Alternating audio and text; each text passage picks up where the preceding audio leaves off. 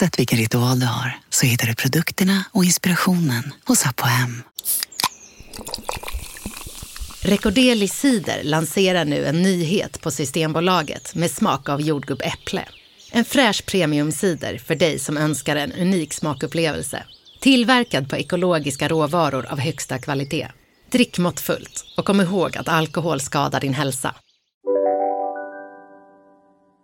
Hej och välkommen till podcasten Billgren Wood med mig Sofia Wood. Och med mig Elsa Billgren.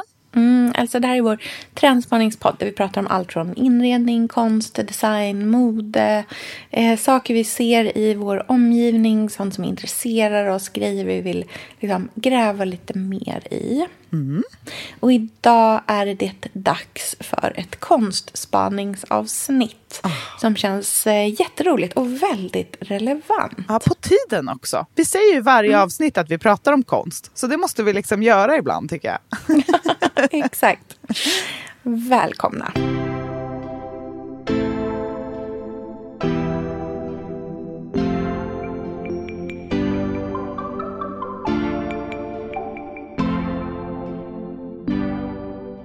Vad kul! Jag blir alldeles upplyft när man pratar om konst. Vet du varför? Nej, berätta. För det är en fri zon. Ja. Här går inte är vi mm. alla okej, okay, vet du. Det är så okej okay att tycka och tänka, fundera, analysera, grotta ner sig, eh, testa, vara nyfiken, vara arg. Alltså man får vara allting kring konst. Jag tycker det är så himla mm. skönt. Kan liksom, det är som en, eh, ett så här eh, gymnastikpass för hjärnan och känslolivet där man är på ett, en så supertrygg plats där ingen kan peta på en. Det är underligt att liksom, det kan vara på det sättet. Och samtidigt tror jag att det är så många som tycker att det är det svåraste som finns att prata om. Mm. Alltså där man verkligen känner att man inte eh, vågar nästan ens säga vad man tycker eller vad man känner. Eller att det kanske till och med är svårt att ens veta vad man känner. Att man är så... Eh, att, att det är liksom en osäker mark istället. Mm, jo. Verkligen, men konst är så mycket. Och jag tror att vi mm. har en uh, ganska snäv bild av vad det är för något. Um, och att det finns ett så korrekt sätt att approchera konst. Och det är därför det här avsnittet känns så kul idag. För att vi är ju verkligen i en, i en tid och en plats där de där reglerna börjar luckras upp. Så här, mm. Vad är riktig konst? Vad är konstens uppgift? Eh, hur konsumerar vi konst? Hur har vi konst i vårt hem och vårt liv? Måste man ha konst hemma? Alltså, så här, det finns så många olika saker som man kan prata om idag som kanske ska riva ner några av de där eh, fyrkantiga väggarna som vi har byggt upp för oss ganska länge. Mm, verkligen. Jag tycker att det är väldigt intressant att prata om just den här liksom, nya vågen av konstnärer som har kommit som likt många andra människor som liksom, gör någon typ av eh, avtryck just nu eh, till stor del också använder sig av liksom, sociala medier och digitala eh, format för att liksom, nå ut. Mm. Precis som författare kan göra till exempel. Både mm ja, men till exempel kokboksförfattare som eh, mig själv. Men också jag tänker på liksom, några av de så här, mest lästa romanerna som finns just nu är ju sånt som kanske har börjat som så här, online-berättelser som har vuxit och blivit liksom enorma eh, litterära succéer som har lästs av miljontals människor runt omkring. Och den typen av så här, digital transformation har ju verkligen skett i konstvärlden också.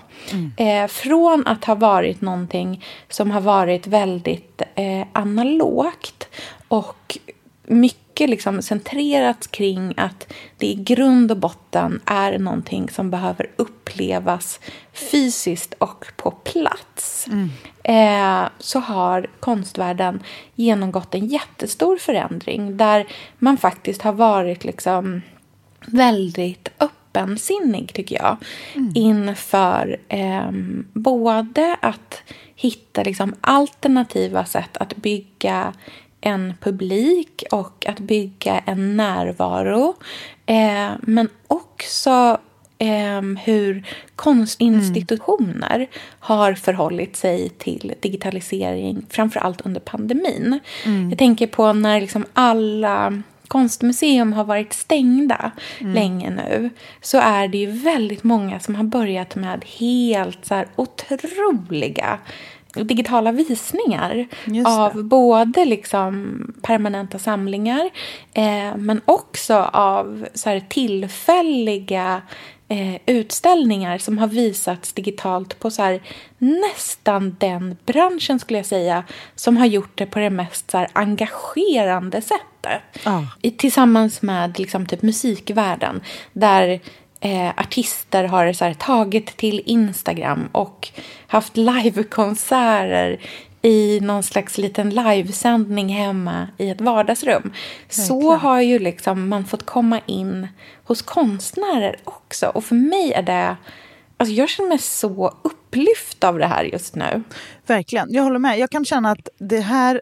Eller, det är ju väldigt ofta så att när världen är upp och ner och allting är en absurd kaos. Det är ju då konstvärlden steppar upp och visar så här, mm. nu får vi briljera. För vi Exakt. behöver inte eh, tycka för mycket eller liksom göra rätt eller, utan vi får liksom rota i de där känslorna och bygga någonting nytt ur det. Och det är ofta i konsten som man ser de första små eh, fröna till liksom, mm. framtiden skulle jag säga. Mm. Alltså det är ju väldigt mm. ofta som man tittar tillbaka på konst och ser hur det så här, var banbrytande för det, hela det stora kreativa uttrycket. Det vill säga allt det andra vi pratar om i den här podden. Så här, mode, skönhet, inredning, eh, litteratur, allt möjligt. Alltså tv, film, whatever. Eh, allt det börjar ju ofta i konsten, just för att det är så fritt.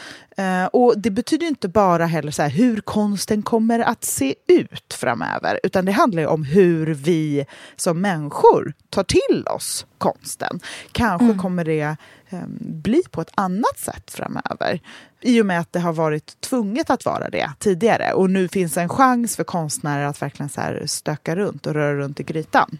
Kanske inte handlar mm, så mycket om så här, en ta, stor oljemålning på väggen längre. Utan mycket mer, eh, om vi kliver in i en så ny surrealistisk våg kanske. Ja, verkligen. Och, eh, jag tycker att det är spännande att se hur många eh, konstnärer så här, förhåller sig till just sociala medier som nästan som ett så här, medium för någon typ av så här, performancekonst. Mm. Att man kan utnyttja det på det sättet också. Och ofta så är det ju liksom unga konstnärer som är snabba på det. Men man kan också se så här, typ Cindy Sherman och folk som liksom är etablerade konstnärer sedan länge. Som faktiskt ser så här, möjligheten i det och är så pass fritänkande att man både kan vara liksom en Arvida Bryström men också en så här, superetablerad Cindy Sherman som leker med mediet på liknande sätt. Verkligen. Och det tycker jag är liksom uppfriskande. Mm. Och jag tycker att det är så härligt med att typ Instagram eller Youtube eller till och med så här, vissa så här, Twitterflöden. Att de bara kan få vara fristående från allt det här andra liksom, hjärndöda tjabblet som vi andra håller på med mycket. mm. Och att det kan få vara så här väldigt eh, ja, men inte så ängsligt och inte mm. utifrån interaktionen utan att det och utifrån bedömandet utan att det handlar om att skapa snarare än att kommentera. Mm. Och det är så uppfriskande. Och ja. jag tror att du och jag pratar ju ofta om det och det är någonting som du ofta återkommer till. Att så här, antingen är man en person som gör eller så är man en person som tycker. Mm, och precis. Det är för mig så, jag tycker att det är en så befriande inställning att ha på något sätt. Jag tror att det kan vara bra att ha i, i, alltså, i ryggen i det mesta. Så här, vi mm. har ju, och framförallt nu när vi har levt i en tid där så här, åsikter har varit makt i och med att mm. vi kan kommunicera. Så här, retorik och åsikter har varit det som har vunnit debatter högvaluta, och trender. liksom. Mm, och liksom, hårdvaluta. det är, kan du, kan du uttrycka din åsikt tillräckligt bra för tillräckligt många människor så vinner du väldigt mycket poäng liksom, i det sociala eh, mediespelet. Men det är mycket svårare att skapa någonting, kan jag tycka. Och det blir också utrotningshotat på något sätt. För att det slutar till slut med att åsikter föder andra åsikter som i sig blir innehåll och något skapat. Så det, det kom liksom ursprungsprodukten eller tanken eller aktionen eller vad det nu är som är liksom skapandet, den försvinner, blir inte, behövs inte längre utan åsikterna blir produkten. Och där kan jag tro att vi, alltså jag kan tycka att vi tappar ganska mycket, framförallt om man pratar om kultur, där man behöver skapa utan värdering ganska mycket för att komma någonstans. Att bara tycka där blir ju att eh, sätta sig i en, liksom, in i ett hörn där man inte kan röra sig någonstans. Och det blir också väldigt så här, läskigt för att om, om man skulle skapa med tanke på vilka åsikter man får av det, då skulle ju ingen göra någonting. För det, är ju, alltså det går ju inte att plisa alla. Så att, ah, det är alltid någon som inte tycker att det är bra eller håller med eller vad det nu är. Utan att skapa kräver ju att kliva in i en bubbla av totalt självförtroende eller självförakt och eh, ha en jättedistans till sig själv som person. Och det är det som jag tycker är så intressant med, med konstnärer. För de är ju ofta där någonstans. För det krävs ju ett otroligt självförtroende att skapa en produkt, visa upp det och säga så här, den här kan man köpa. Alltså det är ju ett eh, det är ett självförtroende. Att så här, den här är värd, och framförallt när det är här, en skulptur eller ett konstverk, så att den här är värd för dig att ha hemma. Så bra är den här. Ehm, och, så här, och kom och titta på många saker jag har gjort och gå runt och, och köp dem. Det är ju otroligt vilket häftigt självförtroende det är.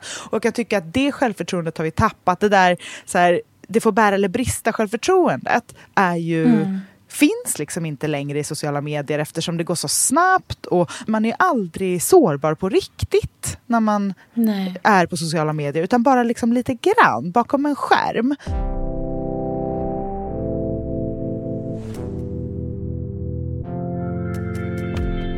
Och i allt det här så har ju min lillebror blivit konstnär.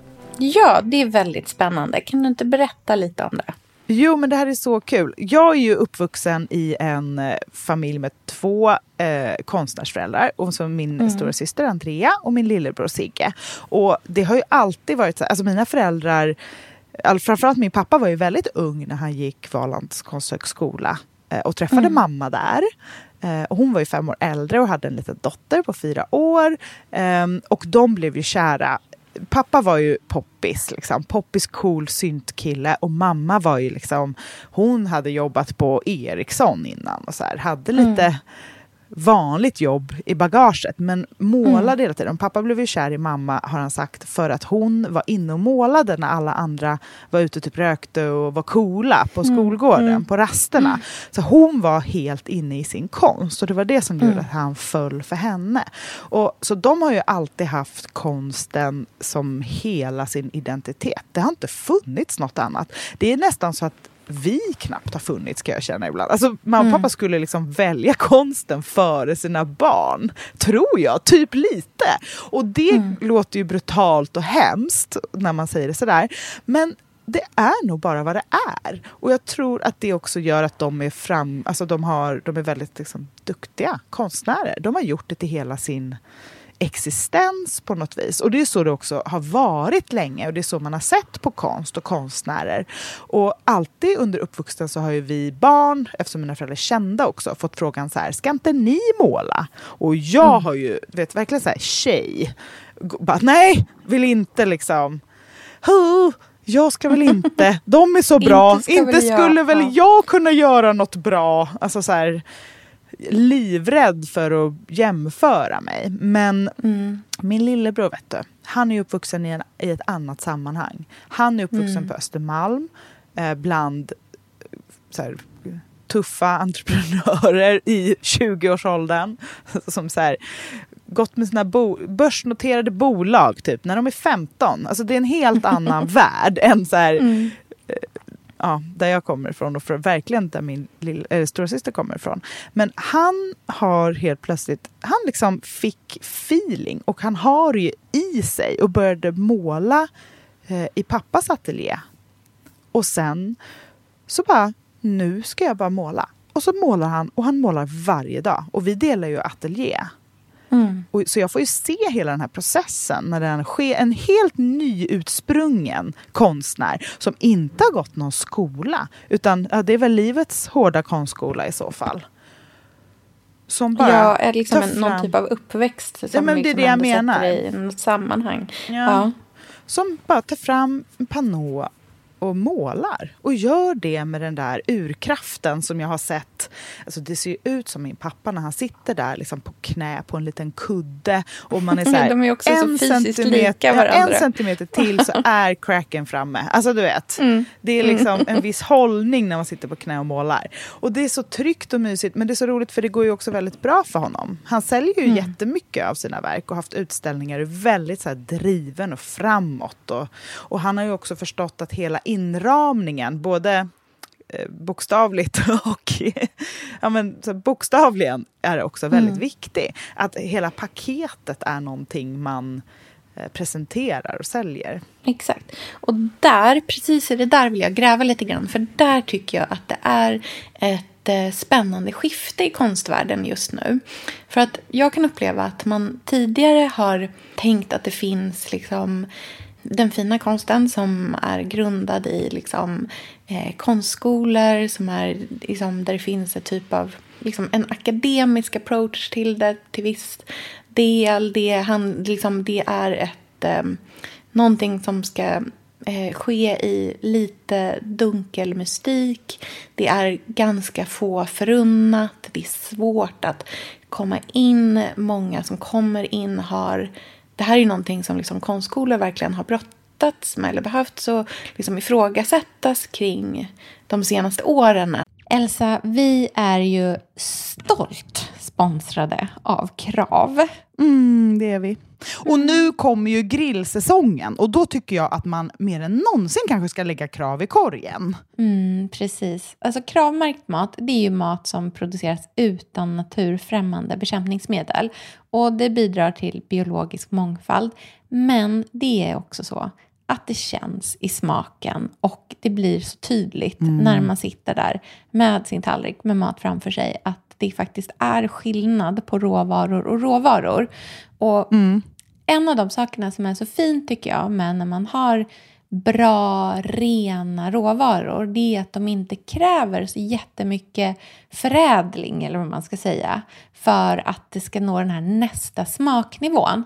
Och ett sätt som jag tycker gör underverk med grönsaker det är ju att slänga dem på grillen. För här oh. pratar vi smakutveckling. Ja, jag tycker också att man verkligen får pluspoäng när man till exempel har grillat mm. lite färsk lök och att den mm. går från den här härligt mjölkiga vita äta och så, så lite liksom, ja, men så har den blivit kysst av elden på grillen mm. och sen så går den upp i det här klorofylligt gröna. Och så mm. blir den mjuk och smakrik och söt och så har man den till någonting annat härligt som man har, mm. som man har, som man har grillat. Och Jag tycker också om att koka färskpotatis och sen grilla den. Det tycker ja, jag ger så oerhört god smak. Så att en, de enklaste råvarorna som har mm. mättat svenska munnar i århundraden, som lök och potatis, blir stjärnrätter på mm. grillen. Mm. Speciellt när de är kravmärkta, för då är de liksom goda från början. Ah. Gör som Sofia och jag och ställ krav i korgen i sommar. Mm. Njut nu av grillsäsongen tillsammans med Krav. Gör det. Tack Krav! Sofia, ja. vi är sponsrade av Tradera ja, och jag men. vet att du håller på att rensa din garderob och hem på ett sätt. Alltså, blir någonting kvar? Jag har först sålt lite grann, sen mm. så har jag en del grejer ute nu och jag har en hel bunt med grejer som jag på söndag ska plåta och lägga upp igen. Berätta exakt hur mycket du tjänade förra liksom, batchen. Eh, 7000 kronor. Oh. Och vad ska du 7000 köpa för kronor! Vad ska du köpa för dem? Nej, vi ska semester. Oh. Jag ska laga en vattenläcka. När jag går in och tittar på mitt saldo i appen, för man kan ju se ungefär Mm. Vad allting är uppe i just nu. Mm. Då känner jag som att jag har hackat något typ av system. aktiekurser slänger i väggen. Ja, ja, Det ja. finns inget pirrigare än att gå in och kolla hur det går för sina eh, Tradera-annonser. Men också verkligen så här känslan av att jag har ju massa fina grejer i min garderob som inte används Mm. på grund av orsak. Det kan vara olika saker. Den kanske inte passar längre. Eller jag känner mig... Det passar inte till mitt hår nu. Jag har verkligen såna kläder. Men nu får någon annan ta vidare och äga det. Och så får de bäras istället för att de bara ligger och samlar damm. Vill du bli lika glad som Sofia? eh, sälj det du inte behöver på Tradera till någon annan. Bidra till det här, liksom, den här underbara cirkulära marknadsplatsen som är Tradera. Ladda ner appen, go nuts och eh, dryga ut semesterkassan. är Tack underbart. snälla fantastiska Tradera. Tack Tradera.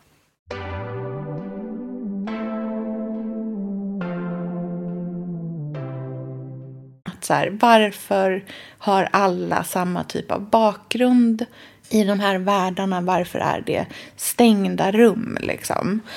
Men någonting som jag upplever verkligen har skett liksom, senaste åren har ju varit just den här liksom, ehm, ja, men den här generationen av konstnärer där man liksom då kan räkna till Sigge som, som gör saker utifrån ett annan, med, med en liten annan approach. Eh, det kan absolut vara så att många av de här människorna också har gått på konstskolor. Men de har till stor del liksom även så här byggt upp hela den här inramningen runt om konsten som också sätter den i dels en annan kontext, att man kanske, det är liksom lättare för fler att förstå. Men det är också det här att det liksom inte är riktigt lika mystiskt utan att det är mer approachable på något sätt. Skicka ett DM Eh, så kan du köpa ett verk. Precis. Ehm, och jag tänker på liksom konstnärer som ehm, Emilia Ilke eller um, jag tänker på Evelina Kron också. Um, alltså den typen av så här konstnärer där man både får så här följa med lite i studion, man får se de färdiga verken, man får se så här, typ en bild där de har så här, sett en soptunna eller någonting. Och sen så kan man ändå där, även om man själv aldrig hade sett den bilden och känt inspiration kanske, så kan man se den bilden och så ser man den i ett flöde där det sen kommer ett konstverk och man kan se den röda tråden på något sätt. Och jag älskar den typen av så här kontextualisering där man... Eh, för det handlar också om att göra det liksom, tillgängligt och lite mer demokratiskt för fler människor. Vi har pratat tidigare här i podden om en av mina absoluta eh, favoritkonstnärer. Eh, konstnärer. eh, en kvinna som heter Cassina Moda. Ehm, och hon är ju eh, från Mosambik men är baserad i USA till merparten av hennes tider. Att hon spenderar i New York och är bosatt där nu också. Och hennes Instagram är ju en av mina så absoluta största happy places. För att hon prat, eh, liksom hennes konst behandlar väldigt mycket någon typ av så här, den liksom den östafrikanska eh, erfarenheten. Hon porträtterar det livet väldigt mycket i den faktiska färdiga konsten. Men på hennes Instagram så får man också följa med i så här, hennes snapshots från hennes uppväxt, från hennes eh, mostrar och fastrar från eh, bröllopsscener i Mosambik. Och det är liksom, det, konsten är inte liksom direkt porträtterande av specifika individer. Men genom att ta del av hela hennes värld så förstår man konsten på en helt annat sätt också. Och det är så här tillgängliggör den på något sätt. Förstår du vad jag menar? Är det hon som heter Cass Amanda på Instagram? Ja, precis. Hon heter Cass Amanda. Hon är ju också kompis med Sofie Buhaj som Exakt. är smyckesdesigner från Ja. Mm. Frankrike. Och he, där kan man prata om så här, gränslandet mellan design och konst, tycker jag. För att verkligen. hennes eh, formvärld är mycket mer än bara smycken. Och det kan jag tycka så här, Mm. det, är så, det känns väldigt modernt att använda sig av just smycken på ett sätt som är mer än bara liksom vackert utan också så här Mm. utforskande. Hon leker ju jättemycket med eh, snäckformen och så här ursprungsformer och gjuter saker. Och hon har också Mm. börjat så här, hon har skapat eh, så här, jättevackra små askar också.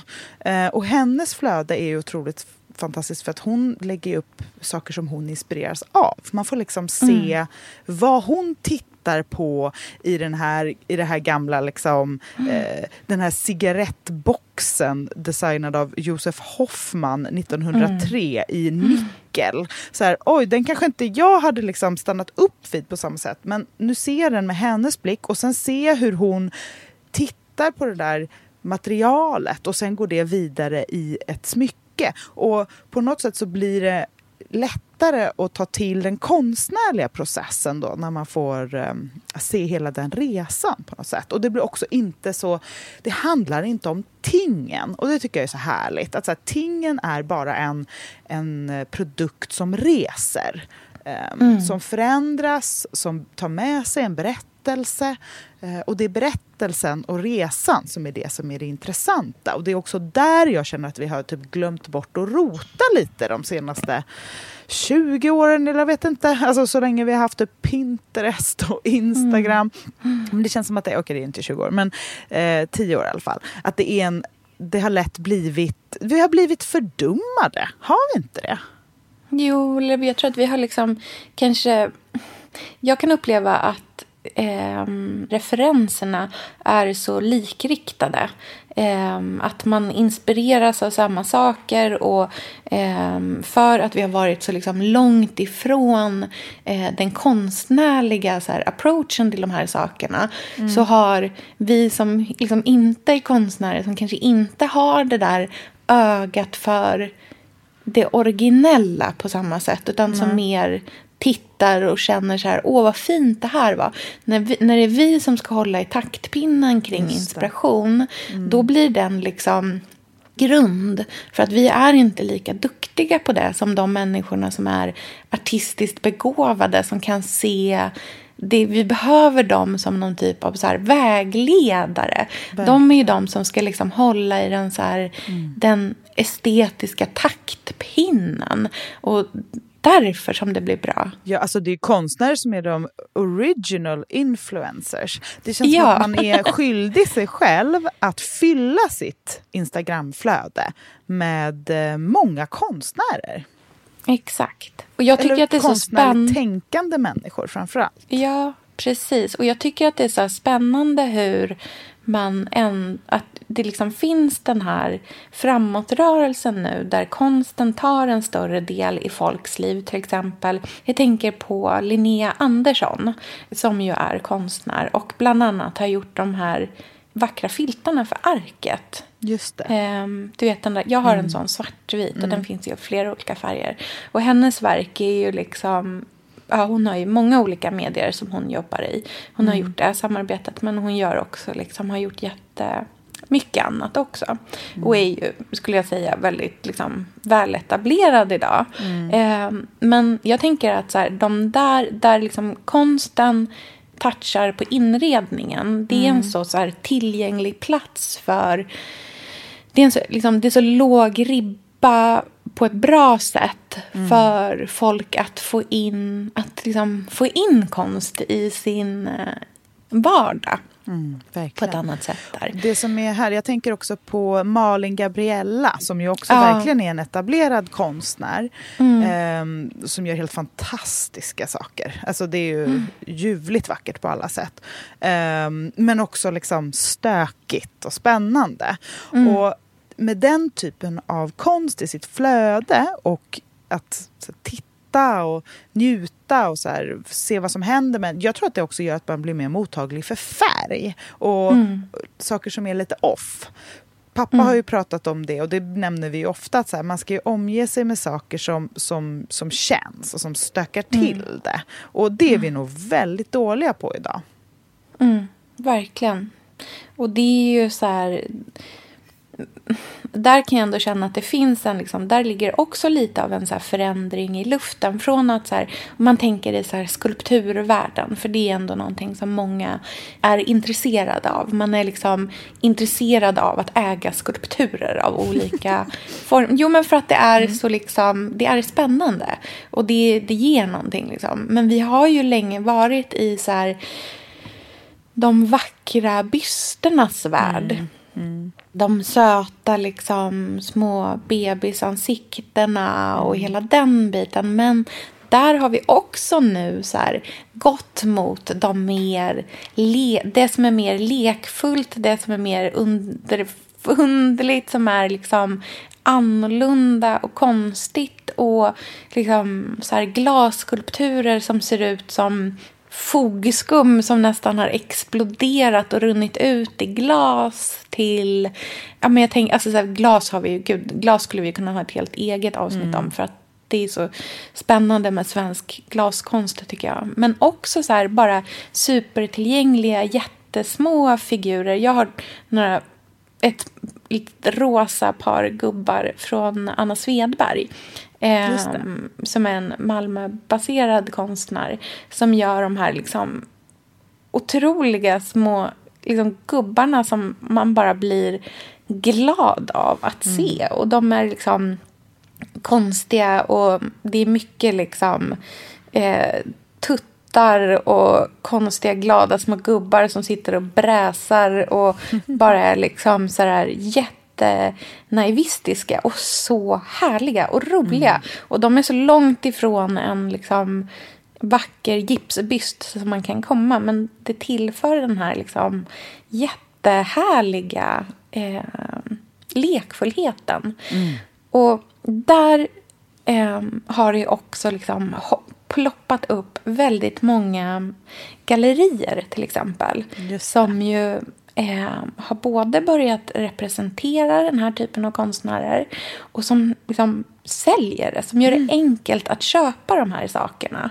Eh, på ett sätt som, för jag tror att många drar sig från att köpa konst för att man tror att det är väldigt dyrt. Mm. Och att det ska vara pinsamt att fråga vad saker och ting kostar. Tror inte du det? Jo, verkligen. Men jag tycker det är så fantastiskt att det börjar ploppa upp också flera så här korsbefruktade eh, gallerier. Aha. Som på något mm. sätt så här, för nu har vi lärt oss om inredning så länge. Så det är någonting mm. där vi känner oss mer hemma. Där fattar vi att så här, det finns svindyra soffor men jag blir inte...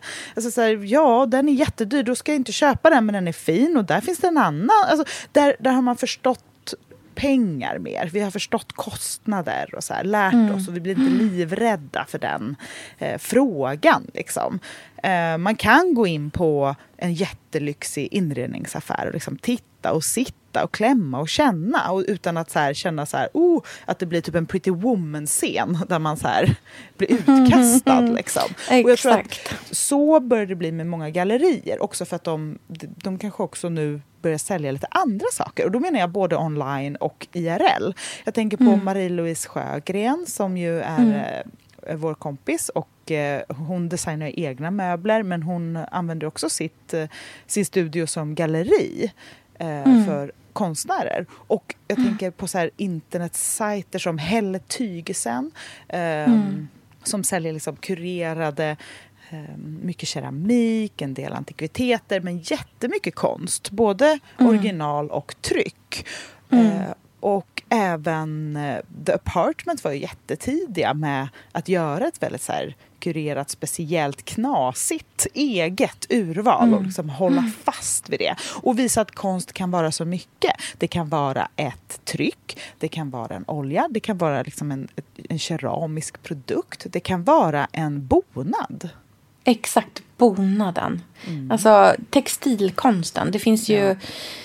Ja. eh, så många så här, spännande eh, konstnärer som utforskar det också. Jag tror att det är en sån här sak som att allt från att man är sugen på att hänga en matta på en vägg till ett, eh, en gammal liksom så här, auktionsfyndad Märtamåsbonad till... Eh, eh, ja, men vi har ju ett jättestort modernt eh, verk av Ebba Andersson i vårt vardagsrum. Alltså det, där, det finns så många olika vägar för det här att ta.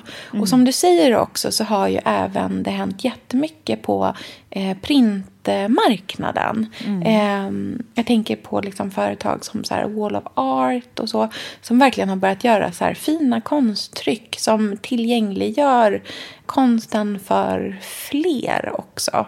Mm. Eh, och det är ju som även liksom Affordable Art Fair och alla de här liksom Ja, men det händer så mycket i konstvärlden just nu som gör det möjligt för fler att upptäcka det. Jag tycker verkligen att man ska ta det till hjärtat och försöka ge sig in i den här världen. För det är så himla mycket mer inspirerande än att kolla på ytterligare ett liksom så här, veckans alla nyheter som har kommit i inredningsvärlden. Alltså, vi mm. behöver inte fylla vårt medvetande med mer sånt. Utan så här, in och följ massor med roliga, spännande människor som har en annan, eh, en annan take och ett annat liksom, synsätt på sådana här saker. Verkligen. Jag tänker att vi måste lägga upp eh, på Bill Greenwood eh, eh, podcast. Både sånt som inspirerar oss och sen har jag några eh, videokonstverk som jag skulle vilja försöka dela också. Ja. Och se om det går. Ett par Gud, grejer som jag har spännande. gråtit mig igenom. Mm. För att man blir så fruktansvärt berörd. Gud vad härligt. Och vi unnar oss alla den här lilla stunden av att så här, vara untouchable. För det mm. är också ett sätt att närma sig varandra tycker jag. Med liksom öppna mm. armar. Och det är ju fantastiskt om konst kan hjälpa en att hitta till den platsen. Är mottaglig och nyfiken. Spännande. Okej. Okay. Yes box. Vi hörs på fredag med en liten petit och så ses vi på Bill mm. Wood Podcast för massa konstnärlig inspiration. Ha det så fint. Hej då. Hej.